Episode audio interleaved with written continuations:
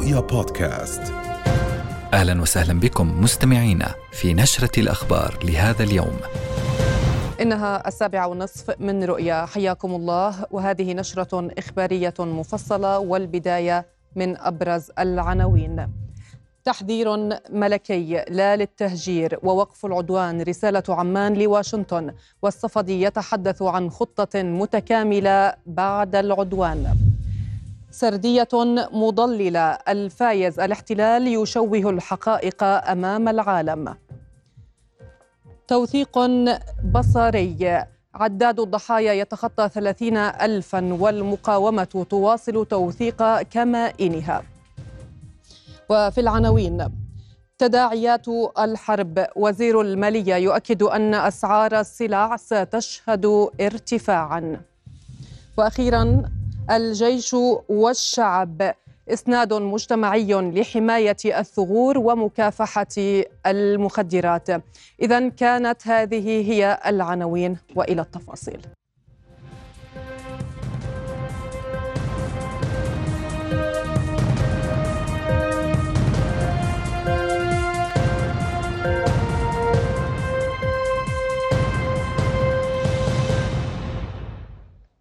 أهلا بكم. لا تتوقف تحذيرات ونداءات الأردن لوقف العدوان على قطاع غزة. آخرها أولويات وثوابت وطنية. جدد الملك التأكيد عليها خلال لقائه اليوم وزير الخارجية الأمريكي أنتوني بلينكين في عمان. وستبقى بوصلتنا فلسطين.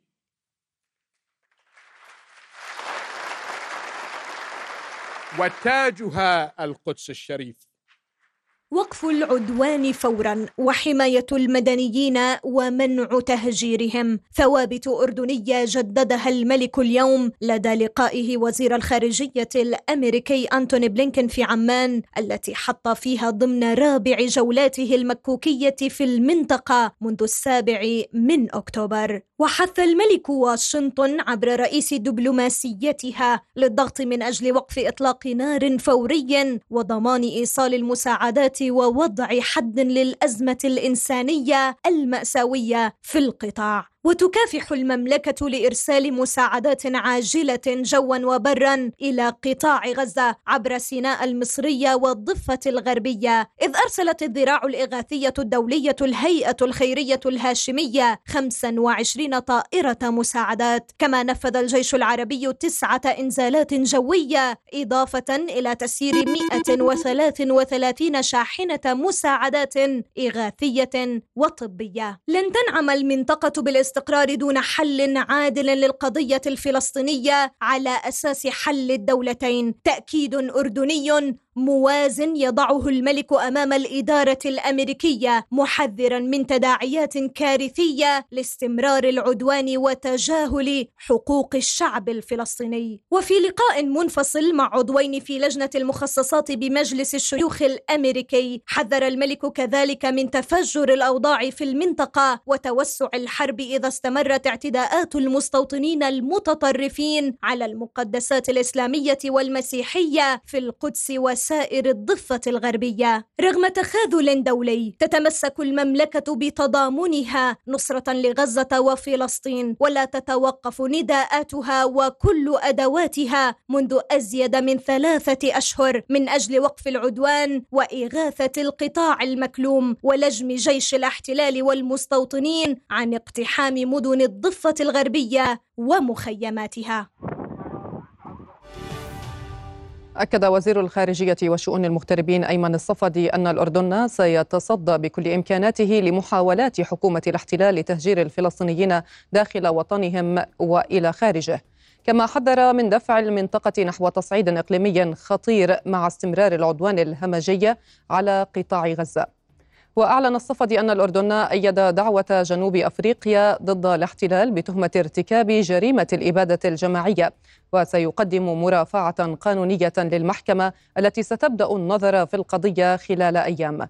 وشدد الصفدي على رفض الأردن الحديث عن اليوم التالي لغزة قبل وقف العدوان. وفي سياق خطة شمولية لتلبية حقوق الشعب الفلسطيني كاملة. مشيرا إلى أن الطرح الأردني حينها لابد أن يكون في سياق خطة متكاملة قائمة على وحدة غزة والضفة الغربية والقدس الشرقية.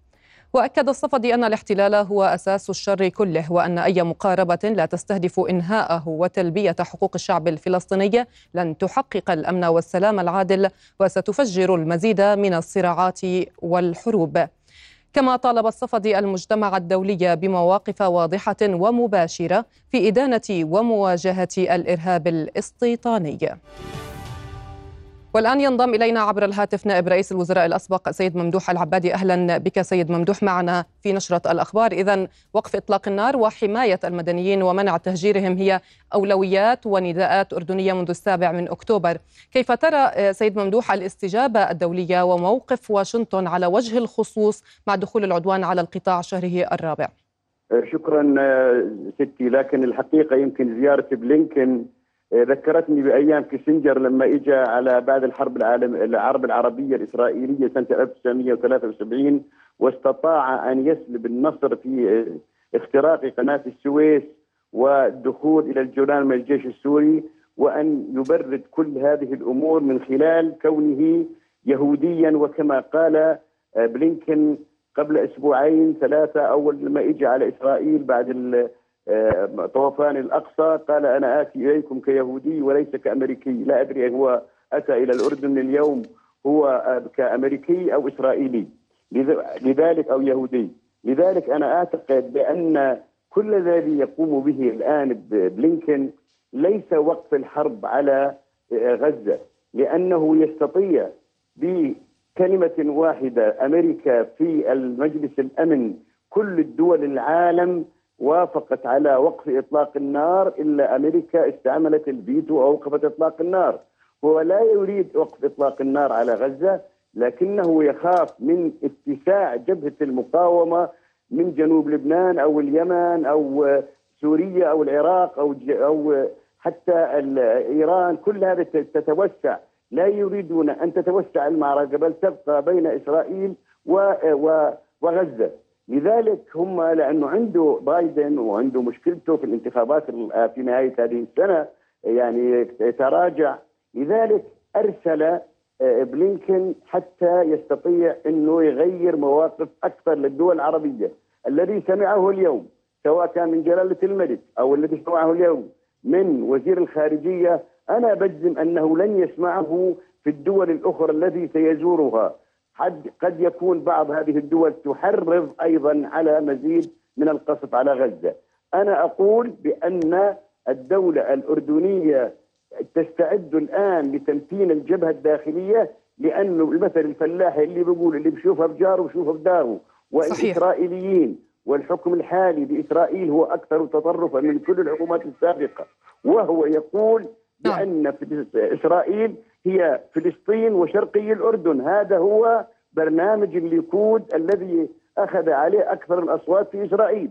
يجب علينا نحن أن دولتنا نقويها ونمتنها أكثر وأكثر. نعم نستثمر دكتور ممدوح تواجدك معنا ونظرا لضيق الوقت. يعني رفض التهجير واعتباره إعلان حرب على آه، المملكة. هذا ما تؤكده الدبلوماسية الأردنية دائما. ولكن ما هي أوراق الأردن اليوم لإفشال هذه المخططات؟ الحقيقة يمكن ما في شيء عندنا نقاوم فيه إلا بموقفنا السياسي سواء كان مع مع الدول المجاورة أو مع دول العالم والعلاقات الدولة الأردنية علاقات جيدة مع معظم دول العالم والاتصالات السياسية والضغط السياسية، لكن لا نستطيع أن نقول نريد غدا مؤتمر قمة عربي بالقاهرة أو بالرياض أو بالجزائر آه، حتى نقول نأخذ قرار آه، حقيقة جاد ومنطقي بوقف التهجير ووقف إطلاق النار، لا نستطيع أن نعمل ذلك نحاول بكل ما يمكن لكننا نقول بأن الخنوع العربي هو أهم الأسباب التي أدت إلى قصف غزة لمدة ثلاثة أشهر متواصلة آه، ليلا نهارا وفي قتل جماعي لغزة ومحاولة تهجير وقسم من الدول العربية تتآمر أيضا على على التهجير. وأنا أنا أقول التهجير يعني الخطوة الأولى في غزة ومن ثم غدا في الضفة الغربية الضفة الشرقية ومن ثم بعد ذلك كل الضفة الشرقية والغربية إلى خارج الوطن العربي. أنا أقول بأننا الدولة الأردنية هي موقفها ممتاز وجيد وندعمه. وصدقيني أننا أرى أن الشارع الأردني أكثر مرة بشوفه موحد وراء القيادة في مواقفها الوطنية الخالصة فيما يجري في غزة. نعم أشكرك جزيل الشكر نائب رئيس الوزراء السابق الدكتور ممدوح العبادي كنت معنا عبر هذه النشرة. شكرا جزيلا. قال رئيس مجلس الأعيان فيصل الفايز إن الحركة الصهيونية توحي للغرب بأن الاحتلال بدأ عدوانه على غزة منذ السابع من تشرين الأول في مسعى لتزوير التاريخ وطمس الحقائق. الفايز خلال ندوة اليوم بعنوان التحديات التي تواجه الأردن والموقف من عدوان الاحتلال ومؤامرة تهجير الفلسطينيين. قال إن تأثير الصهيونية متغلغلة وتتحكم بثروة نصف العالم وتحاول فرض سرديتها تجاه القضية الفلسطينية. ودعا الفايز لعدم الحديث في المعركة عن فيصل أو فصيل عفوا بعينه فالكل بحسب الفايز يحارب العدو سواء من حركة فتح والجبهة الشعبية أو حماس مؤكدا أن الخطاب الرسمي الأردني كان خطابا غير مسبوق يؤكد ثبات الموقف الأردني في المحافل الدولية في الدفاع عن قضيته المركزية. ما جرى في غزة والبطولات التي قام بها أو قامت بها المقاومة الفلسطينية وأنا لا أتحدث حمية بس فقط حماس. هناك معارك تجري بالضفة الغربية وهناك فصائل فلسطينية أخرى كمان تشارك في هذه المعركة. نحن نتحدث عن المقاومة الفلسطينية بغض النظر أنه ما النظرة إلى حماس أو الجبهة الشعبية أو فتح. نحن نتحدث عن مقاومة فلسطينية. فعندما بدأت الحرب بالبداية وقبل الجميع كان الخطاب السياسي الأردني واضح وقوي بل وعنيف. مع دخول اليوم الثالث والتسعين للعدوان الإسرائيلي على غزة يواصل الاحتلال قصفه الجوي والبري على القطاع وسط معارك شديدة مع المقاومة. في وقت تتعالى فيه الأصوات الإقليمية والدولية الرافضة لخطط الاحتلال لتهجير أهالي قطاع غزة. وارتفعت حصيلة العدوان إلى 22835 شهيدا إضافة إلى 58316 جريحا منذ السابع من تشرين الأول الماضي وفق إعلان وزارة صحة القطاع. كما أفادت الصحة بأن مسيرات إسرائيلية أطلقت نيرانها باتجاه مبنى إدارة مستشفى شهداء الأقصى وساحاته. فيما كثف الاحتلال قصفه الجوي والمدفعي على مناطق بخان يونس جنوبي القطاع خلف 71 شهيدا بينهم 14 طفلا. استشهد صحفيان اثنان جراء قصف إسرائيلي لسيارة كان يستقلانها خلال تغطيتهما الصحفية شمال رفح جنوبي قطاع غزة. ما يرفع عدد الشهداء الصحفيين إلى 110 شهداء منذ بداية العدوان. وندد المكتب الإعلامي الحكومي في غزة بجريمة اغتيال الصحفيين حمزة وائل الدحدوح ومصطفى ثريا. مشيرا إلى أن هذه الجرائم المتواصلة بحق الصحفيين تهدف إلى ترهيبهم ولطمس الحقيقة ومنعهم من التغطية الإعلامية. من جانبها اعتبرت حركة حماس في بيانها أن استهداف الاحتلال الصحفيين جنوبي القطاع جريمة حرب متعمدة هدفها إرهاب وثني الصحفيين عن نقل الحقيقة. مطالبة المؤسسات الحقوقية الدولية بتوثيق جرائم الاحتلال النكراء بحق الشعب الفلسطيني لمحاكمة هذا الكيان.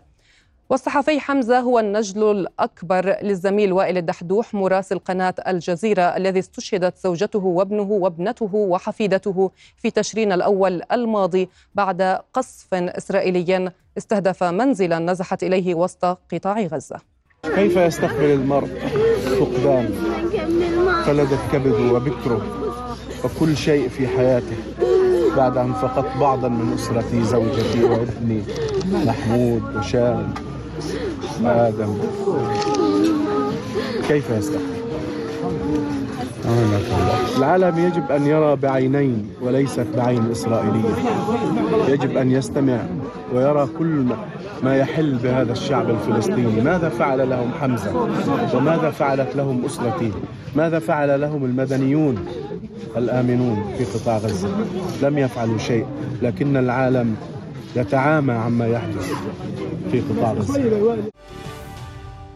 وعلى مدار الأيام الاثنين وتسعين الماضية ارتكب الاحتلال الإسرائيلي 1903 مجازر بحق المدنيين في قطاع غزة 12 مجزرة منها خلال الأربع والعشرين ساعة الماضية. هذا وكشف الدفاع المدني في غزة بأن أزيد من ثمانية ألاف في عداد المفقودين في القطاع. بالإضافة إلى نزوح عشرات الألاف من منازلهم بسبب القصف الإسرائيلي المتواصل. فيما أعلن الدفاع المدني عن استهداف الاحتلال أكثر من 70% من مقدراته وتعطل غالبية مراكزه في القطاع بالإضافة إلى اعتقال الاحتلال خمسة من عناصره. إلى ذلك أكد الدفاع المدني عدم رفضه بأي كميات من الوقود ما أدى إلى تعطل أكثر من 70% من قدراته التشغيلية. ومع احتدام الاشتباكات بمحاور عدة واصلت المقاومة توثيق هجمات بصريا فيما تشبه حرب شوارع وأزقة ضد جيش الاحتلال على امتداد قطاع غزة. كتائب القسام التابعة لحماس أكدت استهداف حشود جيش الاحتلال المتوغلة في منطقة المحطة بمدينة خان يونس بقذائف هاون. سرايا القدس الذراع المسلحة للجهاد الإسلامي أعلنت من جانبها قصف تمركز لآليات الاحتلال في محور التقدم بمخيم المغازي وسط القطاع بوابل من قذائف الهون. كما استهدفت سرايا القدس مستوطنات الغلاف ناحي العوز وصوفا وحوليت برشقات صاروخية. أما في وسط القطاع دمرت القسام ناقلة جند للاحتلال بقذيفة الياسين 105 بمخيم المغازي. كما أفادت وسائل إعلام فلسطينية بإطلاق قذائف صاروخية نحو آليات للاحتلال وسماع انفجارات واشتباكات عنيفة شرقي مدينة خان يونس جنوبيه قطاع غزة. هذا وبثت كتائب القسام مشاهد من تدمير ناقلة جند للاحتلال في منطقة المغازي وسط قطاع غزة.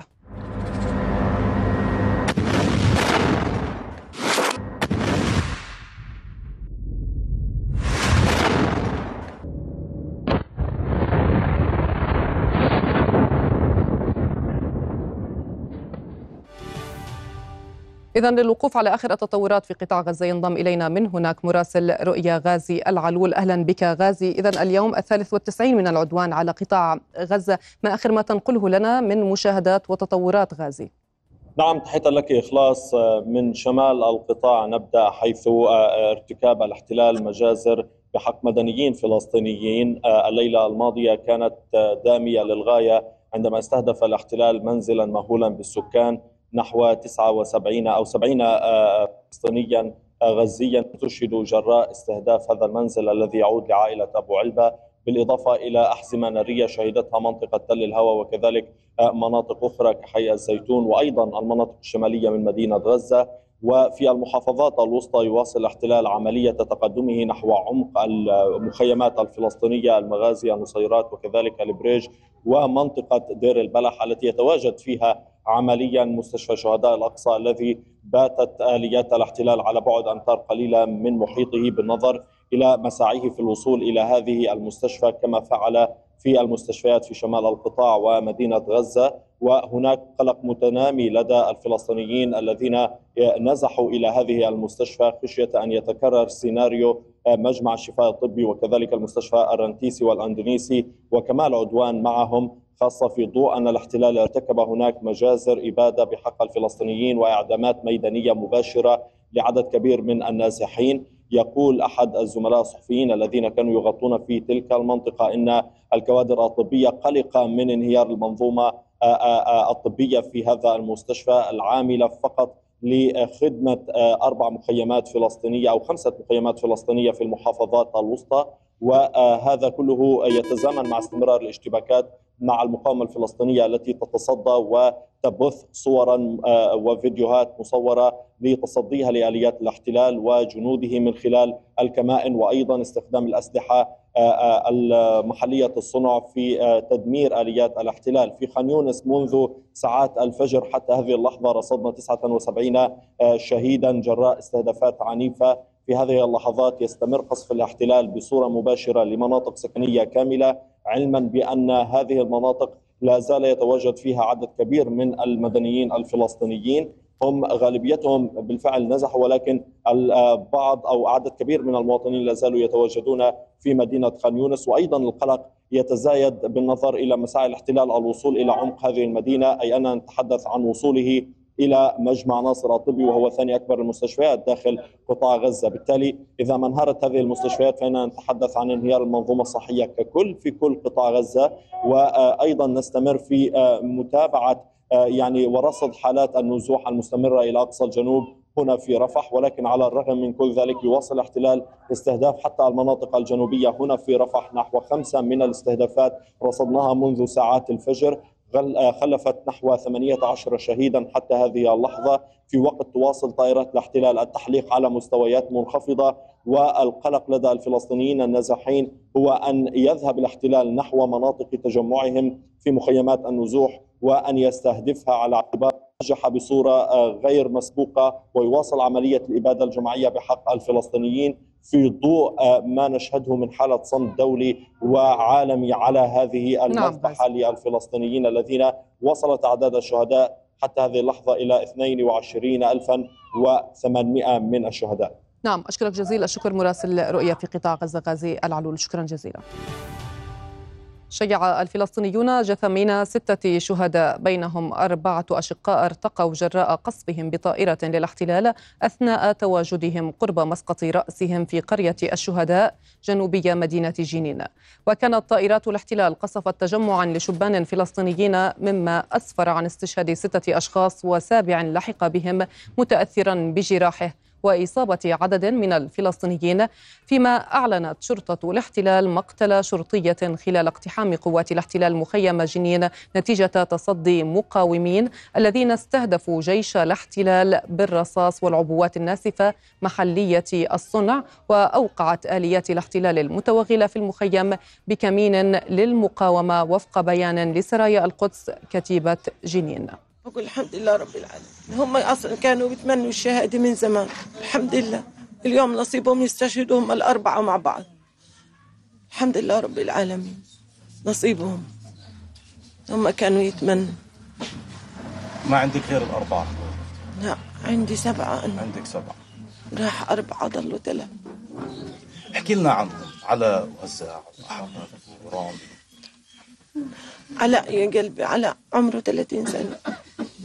وأحمد تصاوب قبل سنتين. وهذا عم بيغسل كلى بالمستشفى اليوم كان عنده غسيل. أجي أخذ مني مصاري عشان ينزل على المستشفى عشان يغسل. ورامي كانوا كلهم مع بعضهم قال لي بدي أروح أشوف إخواني على الدوار وبضلني نازل على المستشفى. الحمد لله راحوا الأربعة مرة واحدة. أعلنت شرطة الاحتلال ووحدة حرس الحدود مقتل شرطية إثر انفجار عبوة ناسفة خلال عملية عسكرية في مخيم جنين صباح هذا اليوم. وكان جيش الاحتلال قد أعلن في وقت سابق إصابة أربعة جنود بينهم اثنان بجروح خطيرة بتفجير عبوة ناسفة استهدفتهم. ولاحقا أعلنت كتيبة جنين التابعة لسرايا القدس أنها تمكنت من إيقاع آليات الاحتلال المتوغلة في مخيم جنين بكمين تخلله تفجير عدة عبوات متتالية وتبعه استهداف مباشر وكثيف بصليات نارية ما أدى إلى إيقاع جنود الاحتلال بين قتيل وجريح. إذا أفاد مراسل رؤيا باستشهاد ثلاثة فلسطينيين بينهم امرأة وطفلة ذات ثلاثة أعوام بعد قيام مجندة بإعدامهم تحت ذريعة حدوث عملية دهس قرب حاجز بيت إكس العسكري شمال غرب مدينة القدس وأثناء ملاحقة المنفذ.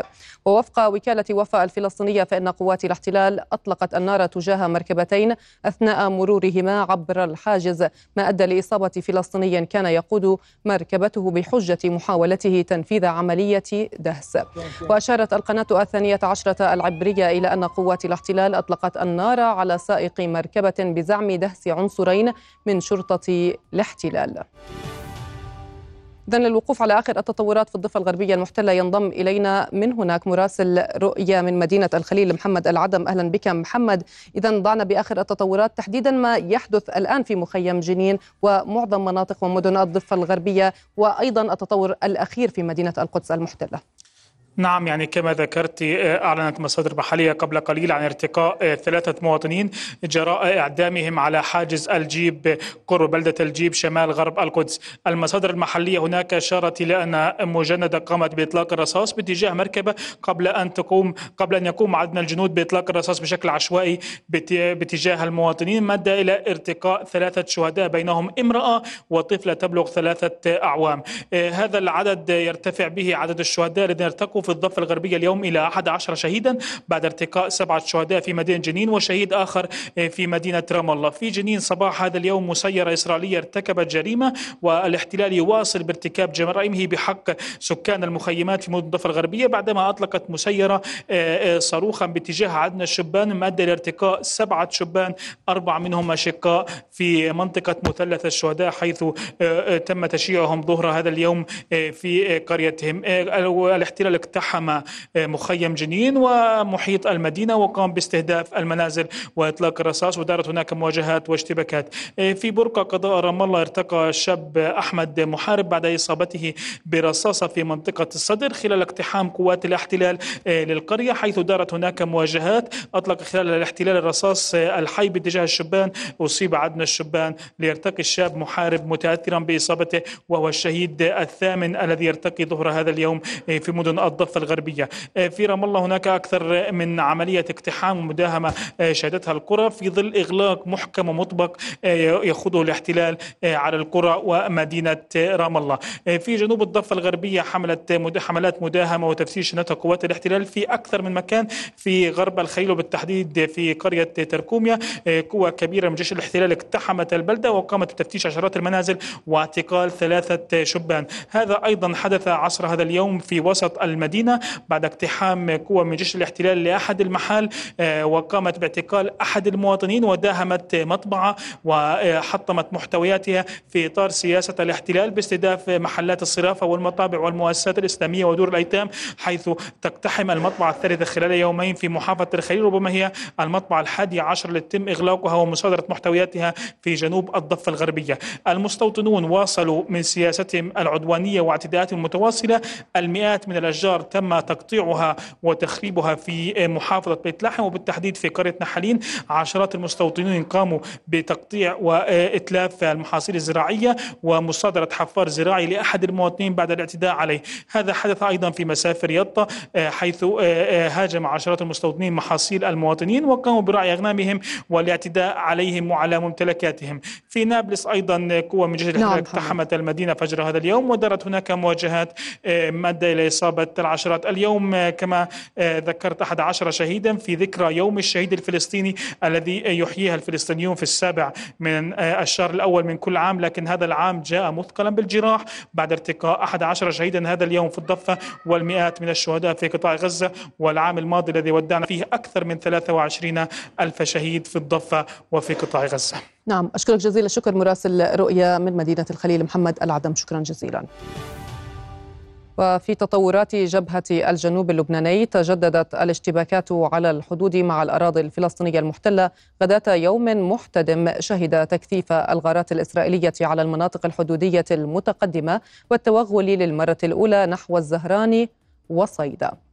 وصعد الاحتلال اليوم وتيرة قصفه على القرى الجنوبية اللبنانية في القطاعين الغربي والأوسط وقصفت مدفعيته الثقيلة أطراف عدد من البلدات في القطاع الغربي وجبل اللبونة وجبل العلام.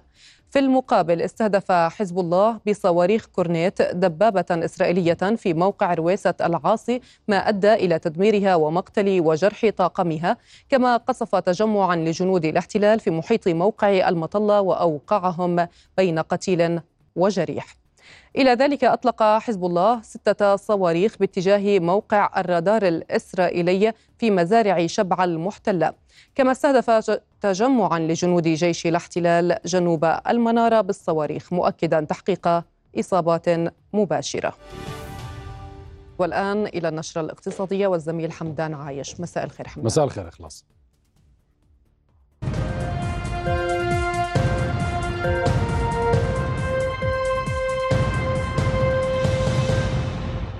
أهلا بكم أكد وزير المالية الدكتور محمد العسعس أن أسعار السلع ستشهد ارتفاعا جراء الأوضاع الأمنية المضطربة في البحر الأحمر وارتفاع أجور الشحن.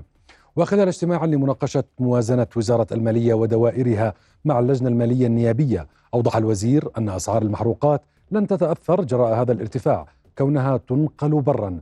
وأكد أن الحكومة استطاعت أن تدير سنة مالية صعبة جدا وحماية الاقتصاد ومقدرات المواطنين كما لم تتأخر بدفع أي مستحقات على الدين.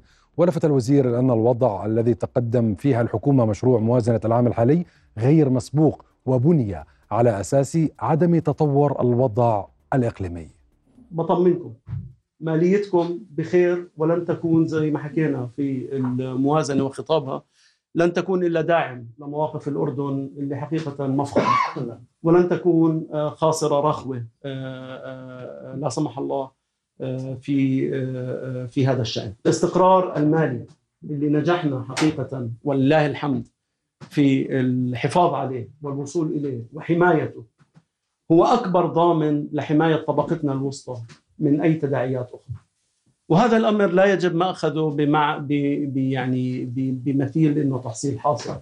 الدول المحيطة لنا المستوردة للنفط تحسد الأردن على ثباتها المالي شركة الجسر العربي للملاحة بتشغيل المسار البحري الجديد الذي أوجدته عقب إعلان شركات شحن كبرى إيقاف رحلاتها إلى موانئ البحر الأحمر عبر باب المندب في ظل تصاعد وتيرة هجمات الحوثي على الملاحة البحرية.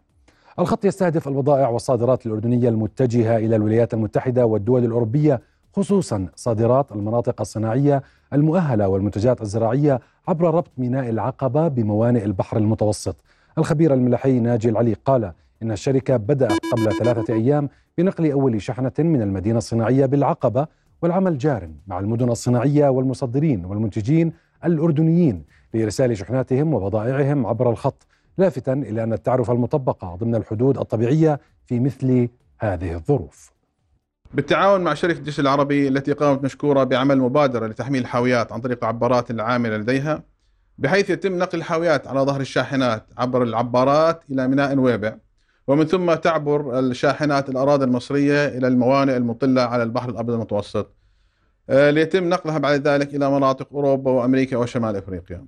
السبب الرئيسي وراء هذه الخطوة هو الأحداث الجيوسياسية المحيطة في المنطقة خصوصا للسفن التي ستعبر من خلال باب المندب من وإلى مناطق الشرق الأقصى والهند والمناطق الأخرى. فكان لابد وهذا من سياسات الشركة إيجاد خطط بديلة للمحافظة على سلاسل التوريد من وإلى الأردن. طبعا للأسف الأحداث الجيوسياسية المحيطة بنا أثرت سلبا على أسعار الشحن بحيث شهدت ارتفاع كبير يقارب ال 200% رفضا لتصدير الخضار والفواكه إلى كيان الاحتلال الذي يشن عدوانا على قطاع غزة لليوم الثالث والتسعين. جدد الأردنيون الرفض لهذه الخطوة في وقفة احتجاجية في السوق المركزية للخضار والفواكه. المحتجون رفعوا أمام مقر نقابة تجار ومصدري الخضار في السوق المركزية شعارات أكدوا فيها أن التطبيع خيانة مطالبين بوقف التصدير إلى العدو الصهيوني. نقيب تجار ومصدري الخضار سعدي أبو حماد أكد للمشاركين بالوقفة التي جاءت بدعوة من الملتقى الوطني لدعم المقاومة وحماية الوطن أن النقابة ترفض التصدير للاحتلال ولا تملك صلاحيات اتخاذ إجراءات قانونية بحق المصدرين غير الأعضاء بالنقابة. وزير الزراعة المهندس خالد الحنيفات أكد في تصريحات سابقة عدم وجود آلية قانونية تمنع تجار الخضار من التصدير إلى الاحتلال مهاجما إياهم بقوله استحوا على حالكم شوي وفي ذات السياق أكدت الجمعية الوطنية لحماية المستهلك تلقيها شكاوى من ارتفاع أسعار بعض أصناف الخضار نتيجة ارتفاع وتيرة التصدير. النقابة طالبت في بيان صحفي الحكومة بوضع ضوابط لتخفيف الكميات المصدرة لبعض أنواع الخضار مثل البندورة والخيار والبصل الأحمر والفلفل الأخضر بجميع أنواعه لتلبية احتياجات السوق المحلية وتخفيض الأسعار. كما طالبت بتكثيف الرقابة وضبط عمليات البيع التي تتم بطرق غير قانونية وتسهم في زيادة حلقات البيع بما ينعكس سلبا على السعر النهائي للمستهلك. فيما دعا المواطنين إلى التقنين بشراء السلع للحد من ارتفاع أسعارها. للمرة الثالثة عشر مددت الحكومة العمل بقرار تصويب أوضاع العمالة السورية المخالفة في المملكة للعاملين في المهن المسموح بها لغير الأردنيين. قرار مجلس الوزراء منح العمال السوريين العاملين في المصانع المستفيدة من قرار تسهيل قواعد المنشأ مع الاتحاد الأوروبي مدة عام لتصويب أوضاعهم. فيما منح العاملين السوريين في المهن المسموح بها لغير الأردنيين مهلة ستة أشهر لتصويب أوضاعهم. وبلغ عدد تصاريح العمل الممنوحة للسوريين خلال العام الماضي 90 ألف تصريح وفق آخر أرقام رسمية. يعاني عدد كبير من العمال الفلسطينيين في أو من عدم توفر مصدر للدخل بعد منعهم من الوصول إلى أعمالهم في الداخل المحتل منذ السابع من تشرين الأول أكتوبر ما دفع أحد العمال العمل على عربة متنقلة لبيع وجبات خفيفة من أجل إعالة أسرته. حاليا بيجي وقت يعني الشخص ذاته إنه يبحث ويسعى عن شيء بديل عن اللي كان موجود فيه. يعني أنا شخصيا بحكي عن حالي أنا كنت أشتغل في إسرائيل وكان وضعي تمام الحمد لله. إيه، بقيت أحصل شهرية يعني ممتازة. حاليا بدور على بديل يعني لو ب 50 شيكل يعني في البلد هاي يعني ولا تقعد في الدار. أنا بدايه قعدت يعني خلينا نقول شهرين في الدار ما اشتغلت ولا أي نوع شغل لغاية ما إنه شفت الأمور ضاقت فيي وطلعت أسعى لشيء بديل. والحمد لله فتحت العربية هاي وبتيسر منها. يعني لو بتطلع مصروف الدار مش أكثر. إلى هنا نصل إلى نهاية أخبار الاقتصاد. عودة إليك إخلاص. شكرا حمدان.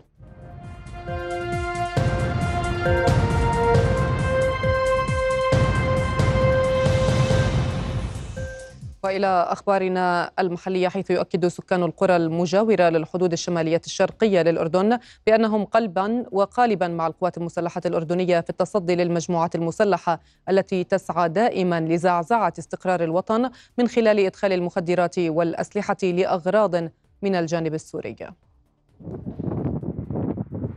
قدرنا في الأردن أن دائما نتعرض منذ نشأة الدولة الأردنية وتتعرض إلى المؤامرات وتتعرض إلى من يحاول العبث بها لكن الواقع يتكلم غير ما يتوقعون فهم واهمون واهمون إذا يعتقدون أن الدخول إلى الأردن شيء سهل إنما هو دخول إلى مقابرهم وإلى حتفهم نتعامل بكل ثقة بأن قواتنا المسلحة وأجهزتنا الأمنية قادرة على ردع هذه العصابات وإن كانت آه، تحتمي بميليشيات آه، خارجية فالأمر آه، أعتقد أنه موضوع مقلق لكن حقيقة قادرين على مواجهته. والله إحنا الأصوات المعتادة صرنا نسمعها تقريبا اعتدنا عليها وهذه الأصوات نعرف إنه هناك صار دخول مهربين على الأراضي الأردنية من اتجاه الأراضي السورية ونعرف إنه جيشنا مجهز بأي لحظة لرد هؤلاء المخربين الاشتباكات كانت سابقا يعني شيء خفيف مو زي الآن. زادت بشكل أكثر ما تصور ب 90 درجة. يعني بالنسبة آه، للاشتباكات سابقا يعني ما كنا نسمع. وشيء خفيف وبعدين إحنا كل فترة يقول لك والله محتمل إنه الجيش مسك. لكن إحنا الآن مع القوات المسلحة الأردنية ومع اشتباكاتهم وإذا زاد العدد إحنا كمان العشائر الأردنية رديف للقوات المسلحة الأردنية بأي شيء يطلب منها. والله صار لي على هذا مراح حوالي سنتين مية بالمية وتمام التمام. نسمع أصوات ونسمع آه، رمايات لكن الحمد لله بهمة قواتنا المسلحة الأردنية الباسلة قيادة جلالة الملك المعظم. آه الأمور كلها مية بالمية وتمام التمام وإحنا بأحسن أمن وأمان. والأمور كلها تمام وأي صوت نسمعه بالنسبة للي زعزعوا بأمن هذا الوطن آه، يتصدى لهم قواتنا المسلحة. وإحنا آه، الرديف لهم إحنا أبناء الوطن وأبناء متقاعدين من الجيش العربي. وإحنا متقاعدين. وأي واحد يحاول يسيء للوطن وللبلد إحنا نقف بوجهه. وأي واحد يتعدى هذه الحدود ويحاول يمس أمن الوطن وإحنا يقع بيدينا كأنه واقع بيدين القوات المسلحة بالأزود. أكد مدير الأمن العام اللواء عبيد الله المعيط اليوم مواصلة الحرب ضد آفة المخدرات وتجارها ومروجيها لحماية المجتمع من آثارها السلبية الخطيرة. وأكد المعيط خلال زيارته لقيادة أمن إقليم الشمال تسخير الإمكانات والقدرات كافة للوقوف في وجه كل من يحاول المساس بأمن المجتمع. ووجه مديريات الشرطة ضمن إقليم الشمال لمواصلة العمل والتنسيق ومساندة الجهود التي تبذلها القوات المسلحة الأردنية الجيش العربي لمنع ومحاربة أشكال التهريب. أوضحت وزارة التربية والتعليم أن دوام المدارس الحكومية للفصل الدراسي الثاني سيكون يوم الحادي والعشرين من الشهر الحالي فيما سيكون دوام المدارس الخاصة في الأول من شباط القادم. وبينت الوزارة أن اختلاف الدوام هذا العام بين التقويمين الدراسيين تطبيق البرنامج الوطني للتدخلات العلاجية في المدارس الحكومية حيث يطبق طوال العام من خلال تحديد أول عشر دقائق من حصة الرياضيات لأنشطة البرنامج وتحديد حصتين من حصص اللغة العربية الأسبوعية لتطبيق أنشطة البرنامج. وهذا الإجراء يستلزم زيادة عدد أيام الدراسة الفعلية حتى لا يؤثر ذلك على تدريس المناهج الحالية. أبدأ طلبة التوجيه اليوم ارتياحهم لامتحان في مبحث اللغة الإنجليزية في ورقة امتحانية موحدة لفروع التعليم الأكاديمي والمهني. الامتحان كان لغة إنجليزية. الحمد لله امتحان سهل جدا. ما فيش أي تركات. الامتحان كان امتحان كان امتحان مباشر. الامتحان كان يميل للمفردات أكثر من القواعد بس كان في قواعد حلوة وقواعد صعبة. بالنسبة للفقرات الفقرات في من كل فقرة سؤال يعني بدك تفكر فيه شوي.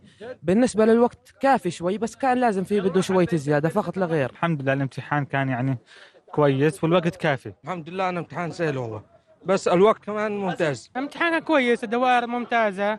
في بعض شوية إذا وصلنا إلى ختام النشرة في أمان الله.